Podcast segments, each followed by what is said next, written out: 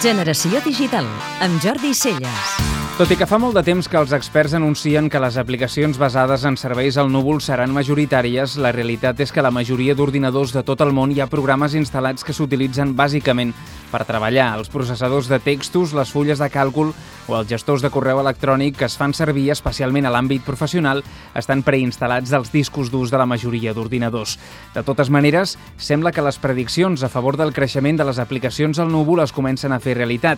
Els primers canvis substancials en la compra de programes sempre arriben des del sector públic.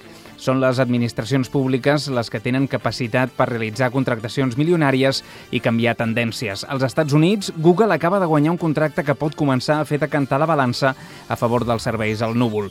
Més de 90.000 treballadors del Departament d'Interior del Govern dels Estats Units deixaran de fer servir els programes de Microsoft Office de tota la vida per passar a fer servir els serveis de Google a la xarxa, concretament el correu Gmail i el Google Docs de format professional. El contracte del Departament d'Interior dels Estats Units suposa un servei de 7 anys amb un pressupost de més de 35 milions de dòlars i, segons la Secretaria d'Interior nord-americana, estalviarà més de 500 milions de dòlars durant els 7 anys de durada, ja que optimitzarà la forma de treballar, reduirà els costos en renovació d'equips i en els serveis d'atenció a l'usuari. Aquest important contracte a favor dels serveis de Google segueix un concurs previ que l'empresa del cercador més important del món va guanyar amb 17.000 treballadors dels serveis generals de l'administració dels Estats Units. I això només és el començament, ja que l'administració nord-americana té previst renovar els contractes que vencen amb el clàssic sistema Lotus d'IBM.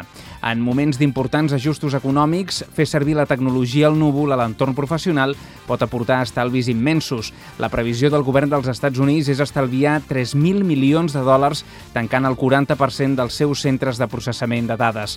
En aquest entorn de canvi, sembla que les companyies que tradicionalment han dominat els serveis informàtics professionals no estan tan ben posicionades com les que han nascut amb la nova onada digital.